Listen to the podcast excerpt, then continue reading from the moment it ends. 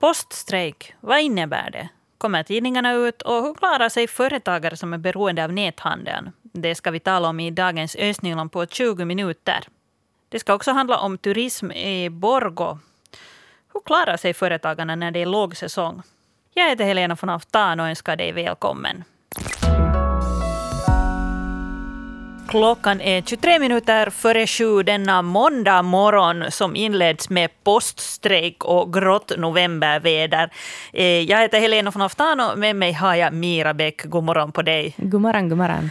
Eh, ja, poststrejk och grått novemberväder, det är nog kanske inte liksom riktigt det piggaste, men eh, vi ska reda ut lite eh, här under morgonen vad det här med poststrejk innebär och man får gärna Skriva in på WhatsApp-numret 044 42 11 762 och berätta hur poststrejken eh, berör just dig.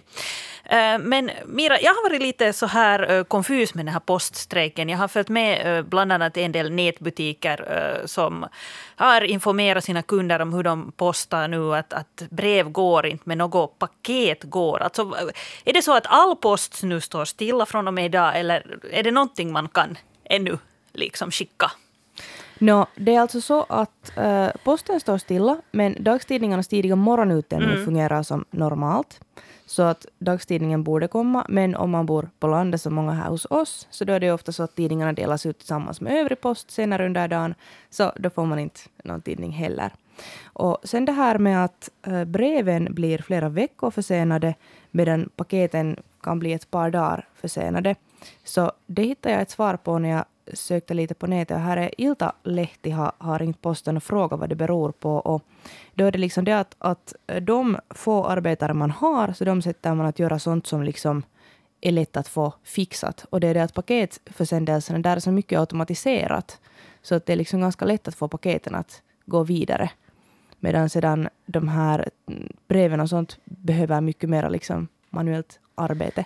Ja, så att, så att om jag nu skickar iväg eh, ett julkort så, så går det inte någonstans. Men kanske om jag skickar ett stort paket så finns det en möjlighet. Då finns det en möjlighet. Och det, det är just det att de som man har på jobb så de kanske man sätter att köra ut paket från posten till, till matbutiken där då ofta finns sådana här stora skåp där man kan hämta ut sina paket ifrån. Att då får man liksom många paket fram på samma gång. Ja. Eh, men nu har det tydligen då varslats också med en ny strejk från 25 november till 8 december. Jag börjar bli mm. riktigt, riktigt orolig för mm. hur det ska mm. gå med mina julkort här så ja. småningom. Och jag kan tänka det med att det för företagare också en knepig sits att inför julen, just när man skulle vilja uh, sälja mycket, så, så händer det här. Ja. Vi har flera artiklar här också på, på svenska YLE. Och här kan man till exempel läsa att om den här strejken blir två veckor, som det nu åtminstone har varslats mm. om, så då borde eh, försändelser från näthandeln hinna fram till jul. Mm. Men om den blir fyra veckor, så då kan det ta längre tid. Det kan påverka också just julposten, paket och, och kort i så fall.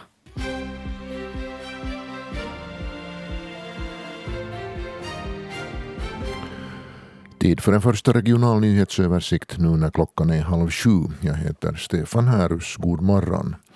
Idag inleder posten sin strejk. För Borgostads del orsakar strejken inga större utmaningar.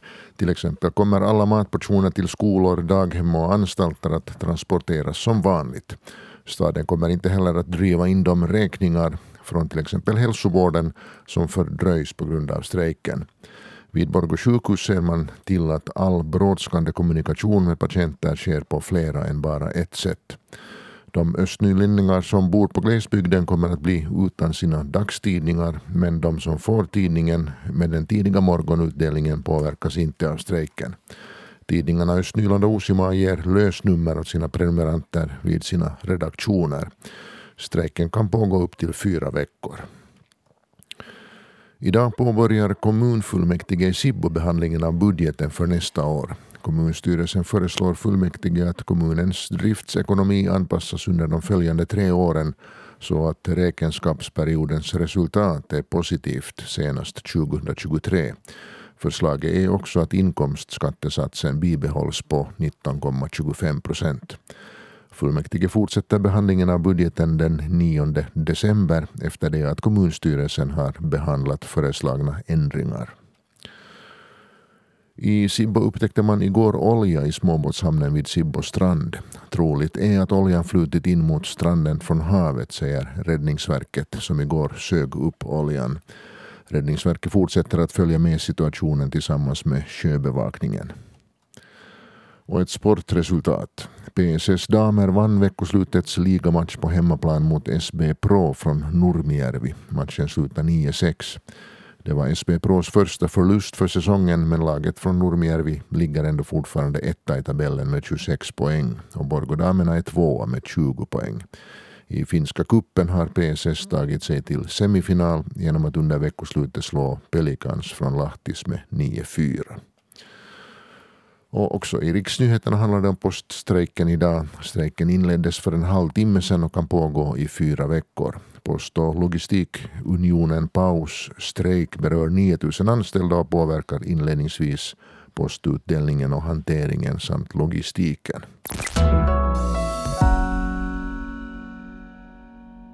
Och idag har poststrejken inletts. Den inleddes klockan sex på morgonen och den här tvisten gäller förhandlingarna om ett nytt kollektivavtal för postens anställda. Och vi har frågat lite människor på stan hur de ser det här, hur det påverkar deras vardag. Vår prao Axel Lindros, han frågar bland annat av Josefin Janhunen hur det påverkar hennes vardag. Jag börjar ju lite fundera att, att borde man beställa något överhuvudtaget jag håller på att renovera och jag har nog beställt det mesta men jag har köpt från webben de mesta grejerna och de har kommit bra hem. Men att jag funderar att lönar det sig att köpa något. Och sen börjar man ju fundera också att hur blir det med julklapparna? De köper jag också mest på webben så hinner de till julmånne. Ja, så du är alltså orolig att dina paket inte kommer i tid? Ja, man borde säkert börja beställa dem men om det nu blir strejk så kan det ju hända att det går över julen före de kommer fram. Hur tror du poststrejken kommer påverka din vardag? No, inte på något sätt allt det där. Allt går ju med med data och sånt där. Men, och tidningarna kommer och det är nog vad de skulle borde få högre lön när de strejkar. Och jag har själv varit på posten som 15-åring och uh, fem år och jag är ändå postiljon från grund och botten. Och de skulle borde få mycket högre lön. Georg Andersson här alltså, som tycker att de som jobbar på posten borde få högre lön. Och det var vår prao Axel Lindros som hade pratat med folk på stan om poststrejken. Vår reporter Stefan Pavola uh, eh, han befinner sig vid en postcentral. Uh, Stefan, kan du berätta var du är? Jo, jag är i Borgo i Våberga för att vara mer exakt och på Gnistvägen 2 vid Borgo postcentralen i Borgo. Härifrån man distribuerar mycket post och här är nog, här kom just en som verkar nog komma på jobb. Men man får inte gå in dit i hallen därför det är bara för personal. Men när jag, man kan glutta in genom fönstret så är det ju helt tomt. Där händer ingenting. Där står sådana häckar med, med postlådor, sådana blåa postlådor och, och det där. Och man ser att där ska det glutta spionera lite. Klättra upp här. Ja. Det är en helt tom, tom, stor sal med massor med tomma häckar som väntar på att strejken ska ta slut. Så jag skulle tippa att skulle det vara en normal måndagsmorgon så skulle det nog hända mycket. Dit längre är sådana här sorteringsfack för brev och sånt och allt det här det bara glipar tomt och ytterom står postens distributionsbilar och är inte på väg, tycks vara på väg någonstans. En person kom hit just Kanske det har då att göra med tidningsutdelningen eller något, det vet jag inte. Tyvärr kan jag inte gå in och fråga för att här är stränga förbudsskyltar, att det är inte för allmänheten att gå in där alls. Så, så ser här ut denna mulna morgon i november. Uh, strejken, ja, först talades som att det skulle pågå i två veckor till och med den 24 november. Eh, men här på veckoslutet så varslar Post och logistikunionen om en ny strejk som då skulle pågå från 25 november till 8 december. Det vill säga, i värsta fall kan vi få fyra veckor poststrejk. Den här tvisten gäller förhandlingar om ett nytt kollektivavtal för postens anställda. Och enligt facket skulle byte av kollektivavtal kunna leda till lägre löner, längre arbetsdagar och besvärligare arbetstider. Men vad betyder det här för företagare? Det är ju väldigt många små nätbutiker till exempel som är väldigt, väldigt beroende av posten. Vi ska få höra hur strejken påverkar företagare som borde få in varor till butiken inför julhandeln, men också leverera varor till kunder som beställer via nätet. Vår reporter Stefan Paavola han hälsar på hos ett företag i Lovisa. Jo, jag befinner mig här vid, i en affär här i Lovisa vid Drottninggatan som säljer damunderkläder, herrunderkläder och etc. baddräkter och sånt. Och det är en affär som då har både så kallad minuthandel här för, direkt för kunder här i Lovisa centrum vid Drottninggatan men sen också säljer en stor del via nätet. Företaget har ju funnits i nästan 15 år och har sysslat nu med näthandel i, i nästan fem års tid och när man håller på med näthandel så då är ju logistiken mycket avgörande. Andreas Ögård, företagare, hur påverkar poststrejken er verksamhet?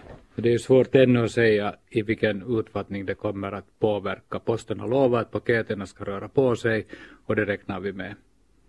Man har ju pratat om förseningar med paketen, att de kommer att fördröja den där försändelsen. Mm, det, det, är det som vi har sagt till våra kunder också. Och så måste vi då eventuellt titta på lite andra alternativ. Uh, hur har kunderna då reagerat på den här strejken?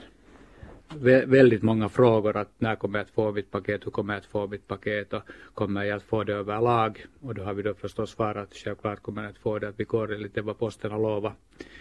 Och sen kan man säga att kunderna genast som det kom ut om strejken så minskade beställningarna. Så det, det här strejkhotet direkt så det, det, på, det gav en viss sån här leveransrädsla ska vi säga? Absolut, det, man märkte det direkt. Vi har både butiker i Kotkal och Visa för tillfället. Det där, hur, hur, det där, hur, mycket varor brukar ni skicka per post? Det är tusentals paket per år. Och nu har ni då, måste ni då göra en sån här vägningsrörelse och ta andra alternativ in som du sa tidigare. Ja, vi måste titta vad det finns för andra alternativ nu. Att det där. Till allt så har vi, har vi redan färdigt lite andra avtal som vi kan använda. Så kunderna kan nog lita på att ni får varorna fram? Absolut. Mm.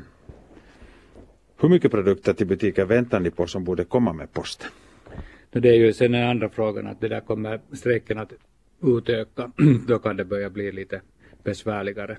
För att det rör ju sig, det, dagligen kommer det ju paket till oss. Jag hade tänkt på nattsömnen nu det här med den här strejken men jag tänker att det ska bli julhandel snart. Inte ännu inte.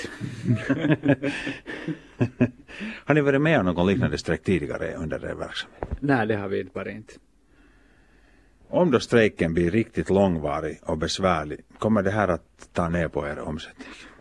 Det kommer det definitivt att göra.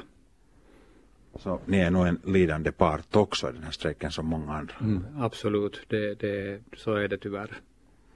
Men vi får hoppas på det bästa, vi får hoppas att parterna i förhandlingarna kommer överens. Tack ska du ha, Andreas Ögård. Tack. Ja, så här eh, i november så är det rätt så grått och det är kanske inte riktigt högsäsong för turister precis. Men så småningom blir det jul och i Borgå har julsäsongen blivit ett trumfkort under de lugnare månaderna. Så här eh, i november, ja, då har de stora busslasterna och båtgästerna slutat komma.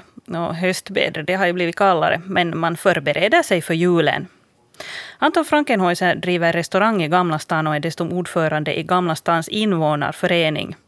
Han, liksom de flesta företagarna i närheten, är beroende av eh, Borgåturismen för att få ekonomin att gå ihop. I synnerhet i Gamla stan är man mycket beroende av turismen, men samtidigt som förstås de här lokala behövs för att fylla på de här tomma, tomma månaderna. Det är just att rikta sig till de lokala och i synnerhet nu i kafé och restaurangbranschen så är det ju en hård tävling om, om kunderna och då är det de lokala som sköter om att, att företaget kan driva så. De, att visst finns här sådana pop-up-restauranger, sommarrestauranger som sen stänger men det är hemskt många i år om företagare här och, och nu är det ju hårt och tungt att klara sig över dem. De kan ju de tomma, tomma månaderna men det där lite håller det på att, att stretcha och man borde kanske satsa marknadsföringen på då att på de här tomma månaderna mer. Det säger alltså företagaren Anton Frankenhäuser. Um, räddningen för företagarna i Borg är förstås den livliga julsäsongen som officiellt öppnar i slutet av november. Och då fylls Gamla stan uh, några veckoslut och mycket turister och det är välkommen ökning i kassan. Enligt Borgostad så mår turismnäringen väldigt bra. Turismen växer hela tiden och man försöker hitta på nya sätt att locka människor till Borgo, bland annat med hjälp av influencers på sociala medier. Enligt Jan Christian Forsman på Borgostad eh, hör det helt enkelt till verkligheten att det sen ändå är sommaren som kommer att dominera turismnäringen. På sommaren har vi förstås mycket mera turister här. det, är ju, det är ju klart mindre mängder på julen men Äh, mycket inhemska turister har vi förstås då också på, på jul, jultiden. Men vi, vi kör ganska mycket marknadsföring, så här social media och uh, tidningsannons och så vidare. Och så har vi förstås en sån här broschyr som vi, som vi gör då, som samlar alla, allt program som, som händer under julen. Det har vi också på sommaren, att det är helt klart en, en tudelad satsning det här som vi, som vi har då sommaren och, och vintern. Det är ju en, en realism nog som, som finns och det beror ju också ganska långt på det att människor har, sina, har en längre period ledigt på sommaren och du har möjlighet att resa och ta dig till, till platser eh, på vintern är det kanske inte så lätt för en att, att resa heller längre tider till vissa ställen. Så den här liksom, kalla realismen kommer förstås mot där, men, men det, man kan ju göra jättemycket för det också. Att man, man, just med att man har, eh, det händer saker och det, det finns olika evenemang. Det säger marknadsplanerare Jan Christian Forsman på Borgostad. Uh, eh, Anton Frankenhäuser som är företagare, ja, han önskar mera av staden. Förstås så tycker vi att, man, att vi skulle kunna få mera hjälp av staden. Helt i de här bas, basgrejerna, allt, allt som en turist behöver, allt från toaletter till avfallshantering, allt precis. Jag tror inte att det är en, så att säga, en åsiktsskillnad, det är kanske mer en, en resursfråga, att hur, hur stan riktar sina resurser mot turismen. Att får turismen, eller turistavdelningen tillbaks för pengar för att kunna sätta in för att förbättra själva besökaren, besökarens behov. Och det kanske vi har en åsikt, vår åsikt är att inte det riktas tillräckligt mycket pengar tillbaks. Ja, det säger Anton Frankenhäuser som driver en restaurang i Borgo. Och så här svarar Jan Christian Forsman på Borgo stad. Alltså vi har ju, vi har ju mycket kommunikation och vi diskuterar ständigt om att hur, hur vi ska kunna för, förbättra och göra, göra saker lämpligare för alla. Så för den delen har vi, har vi mycket samarbete nog. Det är ju förstås en, en eh, det är ju en egen värld, du är liksom en, en företagare, så du har ditt eget företag som du, du måste få, få liksom att fungera här. Men vi hjälper till med det bästa som, som vi kan och med våra resurser. Ja, Jan Christian Forsman som är marknadsplanerare på Orre stad säger att staden hjälper företagarna med de resurser de har att erbjuda. Jag vet inte hur det är med dig, men jag, jag får ibland sådana tankar att tänk om man skulle starta ett eget företag eller man skulle börja göra några jättefiffiga investeringar, bli rik som ett troll i ett nafs. Men sen blir jag alltid rädd att nej, tänk om det ändå är helt tokigt. Eh, Mira, du fick nu som ett evenemang där man kan få veta, veta mer om sånt här. Ja, om man har sådana här drömmar så kanske det lönar sig att, att gå hit. Det är alltså så att nu på torsdagen så ordnas det en sån här afterwork för kvinnor på Patimo i Borgo. Och det är då förstås gratis inträde. Man kan komma dit då och tala med, med andra som är intresserade av, av liknande saker. Och det handlar då liksom om, om att förverkliga sina drömmar och företagande och investerande. Och här är då Eh, många olika människor som kommer dit för att, att tala och berätta mer om sånt här. Den som är, är kvällens huvudtalare är en som heter Maria Friström som är en bostadsinvesterare. Och hon har gått helt från att vara hemmamamma till att börja med det här att hon köper eh, lägenheter som är i dåligt skick och sen så eh, renoverar hon dem och, och sen hyr hon ut dem då till folk. Mm. Ja, och det finns en hel artikel om det här på, på svenska.yle.fi om man letar. Den heter Maria Friström, gick från hemmamamma till fastighetsproffs. Jag hörde det här radioinslaget också med henne förra veckan. Eh, just det här köpa en lägenhet, fixa till, sen vet du massor med lån i den här ekvationen. Eh, jag vet inte. Å ena sidan känns det så lockande det här att aj, aj, man skulle bli rik som ett troll med det här, men samtidigt så börjar jag fundera att ja, men tänk om det händer något tokigt med en av de där lägenheterna. Eh, de hyresgäst som kanske inte betalar på ett mm. halvår eller som svinar till det eller plötsligt måste någonting renoveras. En stor mögelskada i en badrummet. En stor mögelskada i badrummet. Eh, man måste säkert vara ganska skicklig på att renovera för en själv för mm. att lyckas med det här, för att om man ska betala för snickare att gå in i en lägenhet så vet man inte hur dyrt det blir. Och sen om, tänk om det kommer det där stora spöket, stambyte, alla rör ska mm. renoveras. Oj, oj, då vet man inte. Men kanske man är så smart att man, man vet exakt vilka ja. lägenheter. Ösnyland på 20 minuter är en svenska Yle-podcast. Jag heter Helena von Oftan.